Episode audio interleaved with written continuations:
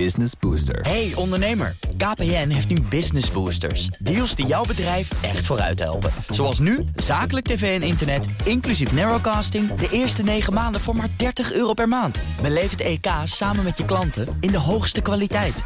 Kijk op kpn.com slash businessbooster. Business Booster. BNR Bouwmeesters wordt mede mogelijk gemaakt door Bouwend Nederland. De bouw maakt het. BNR Nieuwsradio. BNR Bouwmeesters. Jan Postma. De prijs van bestaande koopwoningen is in 14 jaar niet zo hard meer gestegen. Maar liefst 6% gingen de prijzen omhoog in vergelijking met september vorig jaar. Een stijgende lijn dus. Maar hoe zit dat met het topsegment van de woningmarkt? Dat huis met een tweede zwembad, een garage voor zes auto's en een heliplatform, ik noem maar wat.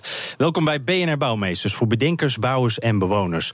Te gast Piet van den Brink van Carla van den Brink Makelaars in Amsterdam en ook aangesloten bij Christie's Real Estate. En Kenneth Alting, makelaar bij Honders Alting makelaars in Brabant. Welkom allebei. Dankjewel. Dankjewel. Laat, laten we eens even kijken over uh, hoe, wat nou precies dat topsegment is. Uh, Pieter Joep van der Brink, wanneer heeft u het over topsegment?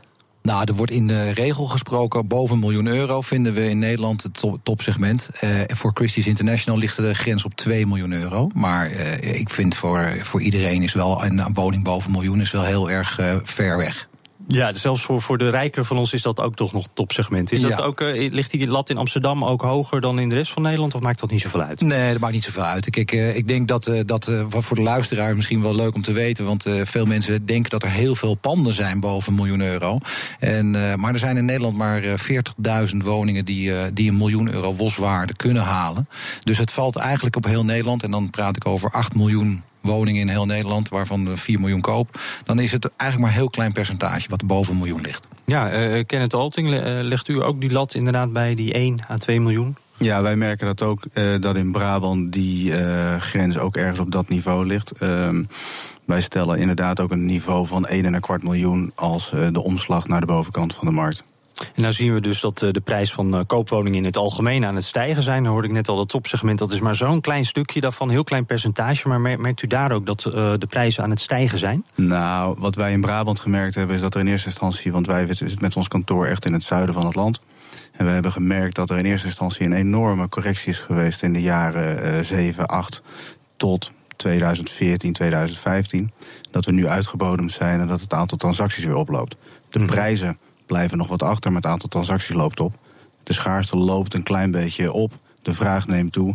Maar de prijzen stijgen nog niet zo hard als in de rest van het land. Is dat topsegment al dan, dan harder geraakt dan uh, de gewone woningmarkt? Ja, de correctie is ja? uh, veel, veel groter geweest. Hm. Pietje van den Brink, is dat iets wat u ook uh, ziet in Amsterdam? Amsterdam toch vaak wordt gezegd andere regels? Ja, andere regels. Kijk, we hebben natuurlijk een heel bijzondere markt in Amsterdam. Dat er 70% van de voorraad die is gewoon verhuurd. Dus we hebben maar een 30% voor koopwoningenvoorraad. En uh, we zagen eind 2013 een omslag in de markt. En uh, gingen voor, voor het eerst ging, gingen de mensen weer uit vertrouwen en voor de, ja, voor de plezier een nieuw huis kopen. En als dat vertrouwen in de markt terugkomt, dan zie je ook dat uiteindelijk het afstraalt. Hè, dus de markt van 200.000, 300.000 euro straalt af naar boven. En langzaam zagen we in 2013 dat die markt weer beter ging lopen. En dan praten we, wat de collega zegt, echt over de aantallen. Die, die waren historisch laag. En dan moet u denken in de jaren 2011, 2012, waar er heel weinig woningen werden verkocht. En, en, en er heel veel te koop stond. Ja, dan krijg je heel erg moeilijk voor de consument om te beslissen van durf ik die woning wel te kopen. Mm -hmm. En dat sentiment ging in 2013, ik noem dat altijd wel een beetje crisismoe. De mensen waren crisismoe. Uh, en in 2014 kwam het vertrouwen terug en zag je die aantallen gigantisch stijgen. Nou, denk ik uh, voor dat topsegment, die hele rijke mensen, die hebben toch sowieso dat geld liggen. Da daar maakt de economische omstandigheden niet zoveel voor uit. Maar dat is dus niet zo. Nou, uh, ik denk wel dat we kunnen kijken. Want als we dan even gaan specificeren. Hè, als we even naar de Amsterdamse woningmarkt, want die ken ik uit mijn hoofd, 12.000 transacties kijken. Dat is gewoon 90% tot 350.000 euro. Dus dan kunt u tellen hoeveel woningen het zijn. En we praten over 330 woningen boven een miljoen. Dus als ik dat ga uitrekenen, praat ik over nog geen 3% van de het totale marktvolume wat zo hoog ligt. Alleen uh, dat heeft wel gewoon altijd doorgelopen. Want in de crisis zult u begrijpen dat mensen die de contante middelen hebben om een woning boven het miljoen te kopen, die kunnen dat op elke dag van, de, mhm. van het jaar doen. En uh, die zijn, laten zich niet remmen door de crisis. Maar het sentiment en het vertrouwen in de markt was altijd wel moeilijk in de jaren 2011, 12. Ja, ja, en dan bent u ook aangesloten bij Christie's Real Estate. Hm. we zien natuurlijk ook veel internationale uh, klanten of, of mensen die richting uh, Amsterdam met name willen komen, maar ook de rest van Nederland. Opent dat nou deuren, zo'n naam achter uw eigen naam? Uh, nou, het, het, het, het, opent zeker deuren, want de, de, de, de aanvragen van het buitenland, en Nederland is natuurlijk een heel klein land. Hè, voor een buitenlander is 30 minuten autorijden is niet echt een heel groot probleem. Dat noemen zij een suburb. de, en de, de belangstelling voor Nederland qua betaalbaarheid is natuurlijk ontzettend groot. En we hebben de afgelopen drie jaar hebben we echt meer internationale belangstelling gezien. Uh, ook mensen die dus bereid zijn uh, en ook hier komen wonen. Hè, want uh, er wordt veel in de pers geschreven over. We zijn angstig dat we Londense traferelen krijgen. En dat er dus buitenlanders komen die om het goedkopen voor de belegging. en het dan leeg laten staan. Dat gebeurt echt niet. Dus als er mensen worden, als er woningen worden verkocht of panden. dan zijn het mensen die daar zelf gebruik van komen maken. Maar we hebben nu een aanzienlijke aanwas en, van buitenlandse interesse. En Amsterdam is wat dat betreft heel betaalbaar. Ik ken het Alting, suburb van Amsterdam dan Brabant. Moeten we het uh, misschien zien? hoe zit het daar met de internationale belangstelling? Nou, wij merken dat Brabant toch wel een beetje een na-effect heeft op de ontwikkelingen in de Randstad de ontwikkelingen in de Randstad hebben er ook voor gezorgd dat de woningmarkt in beweging is gekomen door al die transacties in de Randstad. En wat we nu sterk merken is dat er heel veel mensen weer terug uitwaaieren de provincie in, zoals we dat hier misschien wat meer zeggen. dus wij uh, in, de, in, in de provincie merken heel sterk dat die markt in de Randstad aan het overkoken is. Mensen zijn wat verder aan het kijken en ze zien dat ze in, in, in de Randstad of in de, in de provincie, in Brabant, uh, veel meer waar voor hun geld krijgen. En wij zien uh, dat er toch wel veelal mensen zijn met een bepaalde verbondenheid met Brabant. Of zich heel erg richten op de steden Eindhoven, Tilburg, Den Bosch. Mhm. En dus nu naar het zuiden afzakken. En uh, de, de, de, Chinezen, de Russen die we altijd horen, zijn dat ook mensen die richting Brabant. Uh, nee, dat zien wij niet. En dat was ook destijds voor ons een overweging om ons niet bij een, een, een, een, een Christie's of een Sotheby's aan te sluiten. Wat een fantastisch product is voor een mondiale exposure. Maar wij, wij bereiken die doelgroep niet uh, zo, zo direct als Christie's dat misschien wel doet. Maar voor ons ook niet direct noodzakelijk, omdat het over het algemeen allemaal locals zijn, om even op zijn goed Engels te zeggen. Ja, want Sotheby's die heeft zich ook op de Nederlandse markt gericht. Maar zegt u nu eigenlijk, wij gaan meer voor het binnenlandse publiek, dus wij dat internationale, dat, daar gaan wij eigenlijk niet voor? Nou, die mogen zich net zo goed bij ons melden natuurlijk. die gaan wij niet uit de weg. Maar wij zien gewoon dat de kopers die zich bij ons melden, over het algemeen directe verbondenheid hebben met het werkgebied waarin wij actief zijn. Laten we eens gaan kijken naar een, een stuk ja, een landgoed eigenlijk, waar denk ik uh, Christie's misschien ook wel interesse in zijn gat zou hebben. Het voormalig landgoed van Frits Philips. daar is een bijzonder filmpje ook voor gemaakt. Laten we even kort luisteren. The property is as big as Central Park. You will be provided with a personal GPS watch. We need to pick up more speed zeggen, toen ik dit filmpje had gezien, was ik om. Ik zou zeggen, waar moet ik tekenen? Hoe uniek is dit, uh, dit, deze oude woning van uh, Philips? Ja, dit, dit, is, dit overtreft alles. Mooier dan dit gaat het niet worden. Uh, we zijn hier in Amsterdam de nachtwacht hangt hier qua schilderkunst, maar ik denk dat wij op een goed vlak staat hier gewoon in Brabant. U weet hem in ieder geval goed te verkopen. Die nachtwacht weten we waarom hij zo bijzonder is, maar waarom is dit nou de nachtwacht onder de landgoederen? Nou, iedereen die het filmpje nog niet gezien heeft, die zou eens moeten kijken. Maar het is groter dan Central Park, het is groter dan het Vondelpark, het is het mooiste, het is het duurste, het is het meest exclusief, het is het meest prestigieus. Als je mee wilt tellen, mondiaal, qua woningbezit of woningeigenaar, ja, dan is dit je kans. En die kans die komt eens in de 100 jaar voorbij. Mm. En dat is nu. En dat heeft dan dus ook met de grootte te maken? De omvang, maat van exclusiviteit, het feit dat die privé is. Hè, een, een Vondelpark of een Central Park. Helemaal voor jou alleen en wat je kunt doen en laten wat je wil. Dat is uniek. Ja, zijn er al serieuze kandidaten? Ja, Kunt u aangeven hoeveel?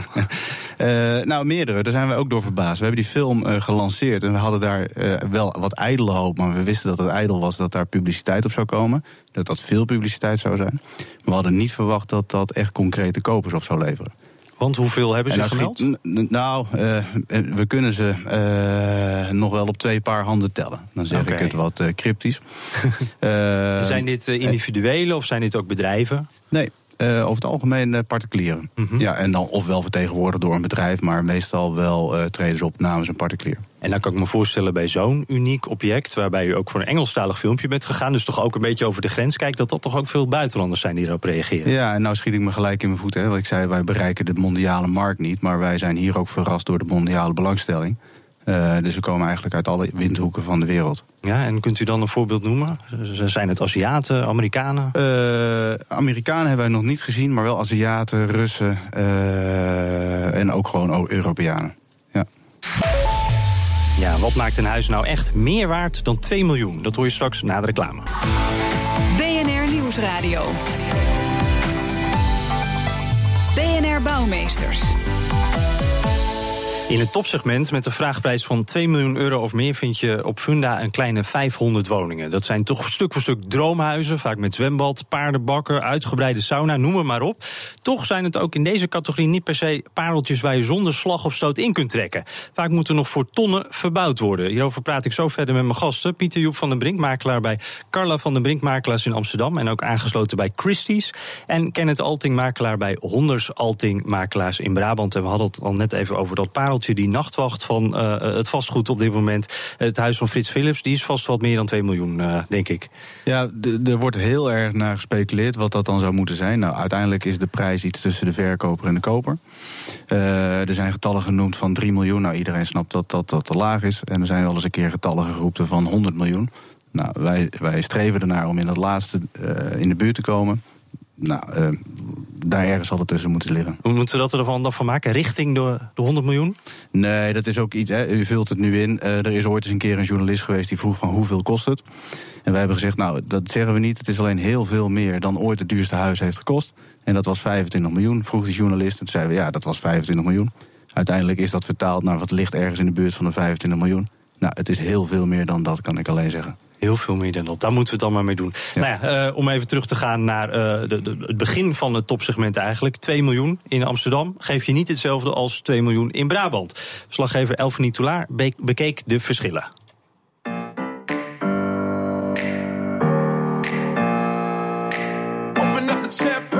Je zult jezelf regelmatig in de arm knijpen als je dit geweldige landgoed bewoont. Met een glaasje op het terras, met uitzicht over de onafzienbare tuin... bij de open haard, met de prachtige marmeren schouw in de zitkamer... met uitzicht op de bomen in de verte die nog net bij het perceel horen. Dit vind je voor 2 miljoen in Overveen. In Amsterdam ziet de markt er iets anders uit.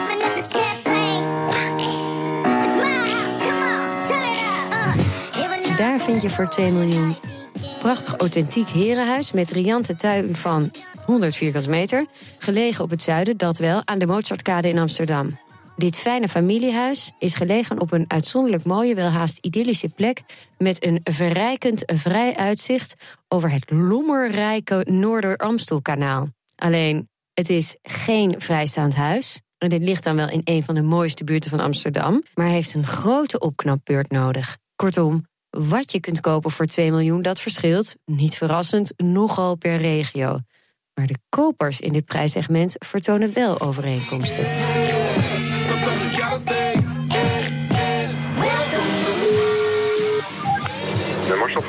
Marcel van der Worp is van aannemersbedrijf Van der Worp, een familiebedrijf uit Haarlem dat al meer dan 80 jaar bestaat. In de regio renoveren en verbouwen zij veel kapitale villa's. Verbouwingen die mensen doen in het hoge segment eh, heeft voornamelijk te maken met een stukje comfort. Je ziet dat eh, het Elektra allemaal een upgrade krijgt waarbij iPads en computers eh, veel meer de taken overnemen om het huis te kunnen bedienen. De beveiliging neemt toe, dus daarbij worden eh, sloten, glas en beveiliging op een hoger niveau eh, gedeeld. En de renovaties vaak met persoonlijke dingen zoals badkamers, toiletten en keukens die aangepast moeten worden om ervoor te zorgen dat het comfort toeneemt. U hoort het misschien aan het geruis. Van der Worp zit in de auto. Hij heeft het zo druk dat hij alleen kan bellen als hij onderweg is. Het gaat namelijk erg goed met de zaken. Bij driekwart van de woning worden de woningen toch gekocht waar nog best wel veel aan gedaan moet worden. En dan zie je eigenlijk dat als je bij spreken een woning koopt van rond de 2 miljoen, dat er toch nog wel tussen de 4 en de 6 ton aan uh, kosten gemaakt wordt om de woning op te knappen. Zo high-tech en veilig mogelijk moet hij de kapitale villa's maken. En het moet ook nog mooi zijn. Geld speelt daarbij in deze prijscategorie eigenlijk geen rol. Dat segment of het huis dan 2 miljoen of 4 miljoen is, zit daar geen prijsverschil meer in wat de mensen willen laten doen. De badkamer voor 2 miljoen zal even duur zijn als voor uh, 4 miljoen. Het enige is alleen dat in plaats van dat er twee of drie badkamers in zitten, misschien wel vier of vijf badkamers in zitten. Maar uiteindelijk, de bouwsommen maken niet meer zoveel uit. Het moet gewoon perfect zijn. Ja. Ja, dat was een uh, speciale aflevering van uh, MTV Crips met Elfanie Toulaar. Uh, Piet van der Brink, is het echt zo makkelijk in dit segment... dat het eigenlijk niet uitmaakt hoeveel er verbouwd moet worden? Dat doen we gewoon? Nou, we staan als makelaar af en toe wel eens voor een complete verrassing. We verkopen wel eens een mooi huis wat helemaal is gerenoveerd in een nieuwste stijl is. En uh, ja, de koper heeft een eigen lifestyle, zeg ik wel eens. En, dat, uh, en die willen dan toch hun eigen stempel erop drukken. Dus we zien huizen die helemaal goed zijn. Daar wordt alles uitgehaald en wordt overnieuw gedaan. En uh, ja, we zien ook mensen, u gaf het voorbeeld net van de Mozartkade. Daar hebben mensen 40 jaar gewoond. En die woning is, bestaat op een plek waar heel veel mensen zouden willen wonen. En die, die zeggen dan, ja, dat interieur of die afbouw of die verbouw, uh, stempel wat ze erop drukken, zeggen, maakt eigenlijk ons niet zoveel uit. Dus ze stappen heel makkelijk over een renovatieplan heen. Uh, en dan kom je uiteindelijk bij het oude makelaarsgezegde. Je koopt dus de locatie, locatie, locatie. Ja. En de interieur, ja, of er nou uh, uh, witte kranen, gouden kranen of blauwe kranen in zitten. De kranen gaan er meestal toch uit en dan worden er weer nieuwe gekocht. Ken het Alting, dan, dan moet als makelaar dan soms toch ook pijn doen als je een fantastisch huis verkoopt. Uh, met enorme, met fantastische details er ook in. En dan wordt alles uitgesloopt. Ja, het is een wereld vol verwondering soms. Ja, ja. ja. maar wat je wel. Ja, nou, zonde. Um, wat Pieter Joep zegt is helemaal waar. Um, de koper in dit segment zoekt gewoon kwaliteit. En wat opvallend is, is dat men een huis koopt dat helemaal af is. Puntgaaf, perfect, helemaal nieuw. En dat koopt juist omdat het zo puntgaaf is. En vervolgens toch het sloophamer erin zet. Maar dat, ja, dat is een stuk vertrouwen wat zo'n koper dan heeft. En dan denk ik, nou hier koop ik geen kat in de zak. En dan vervolgens zijn eigen stempel erop wil drukken. Hm. Zijn er nou bepaalde zaken die een huis van, van 2 miljoen... in het topsegment echt moet hebben om in het topsegment te moeten zitten? Moet je een zwembad hebben? Moet er dit in zitten, dat in zitten? Nee, dat is emotie. Heel subjectief. Locatie, eh, exclusiviteit. En dat kan nou door locatie zijn of in combinatie met afwerkingsniveau. Uh, maar waarom specifiek dat ene huis voor die doelgroep? Nou, daar hebben Pieter, Pieter Joep en ik alle twee wel uh, gevoel bij. Waarom dat dan zou moeten zijn, dat is uh, denk ik een beetje marktkennis. Maar soms is dat niet te definiëren. Nee, optelsom ook eigenlijk. Nou, wat ik wel leuk vind om toe te voegen. Tijdens de crisis merkten we wel dat mensen uh, kwamen met een verwachtingspatroon van nou, nu ga ik naar een mooi duur huis kijken. Maar dan moet het ook helemaal af. En uh, dus in die crisis lagen de verwachtingen toch stiekem wat hoger. En als je dan de voordeur zeg maar niet had geschilderd en die was niet mooi gepoetst, dan zei de koper als hij binnenkwam van goh, de verkoper had toch wel even voor dit geld minimaal de voordeur kunnen lakken. en nu zijn we zeg maar in, in een wat andere markt terechtgekomen en zijn de kopers weer wat makkelijker geworden.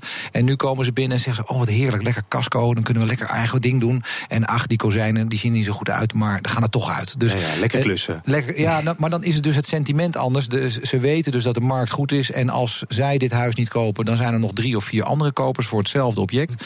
En uh, dus, dus ze, ze, hebben niet meer die verwachting dat die voordeur gelakt moet zijn. En dat, mm -hmm. dat is opeens een totaal ander uh, beeld wat je krijgt van de kopers. Ten slotte uh, ziet u ook bepaalde trends nu ontstaan. Dingen die nu anders zijn dan, laten we zeggen, tien jaar geleden in dat topsegment. Zijn er andere wensen?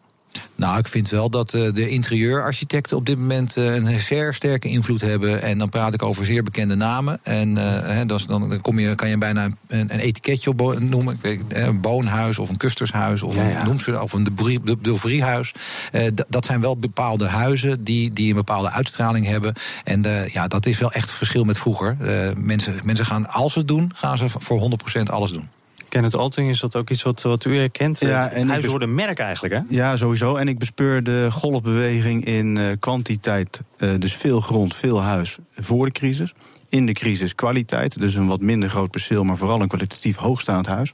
En nu mag dat weer groter zijn, het perceel mag weer groter... Uh, het, mag weer, uh, ja, het mag weer opvallen. Mag weer opvallen. Dank. Uh, Kenneth Alting, makelaar bij Honders Alting Makelaars in Brabant. En Pieter Joep van der Brink, makelaar bij Carla van der Brink Makelaars in Amsterdam. Of huren? Hoe herken ik een betrouwbare makelaar? Waar vind ik een goede klusjesman? Weet je wat? Ik vraag het Fred. Ja, Fred, eh, je staat hier weer geheel in tenue met eh, de bouwhelm op. Jij ging op onderzoek uit deze week. Vertel. Ja, we gingen, gingen onderzoeken of uh, je monumenten mag verduurzamen... en in hoeverre je dat mag doen. Nou, toen kwam ik toch wel uit dat uh, er toch begonnen moest worden... om te kijken naar de regelgeving. Je hebt vaak met meerdere instanties te maken. Dus ook regels die door elkaar lopen. Bij de een mag het wel, de ander niet. Dus dat is het eerste. Ga even naar de website van de gemeente. Die hebben meestal wel een, een lijstje wat je wel niet mag. Um, en, uh, maar goed, de overheid wil ook dat er verduurzaamd wordt. Dus die, uh, die, die, die, die haken hierop in. En die roepen eigenlijk de mensen met een monument op... wees creatief.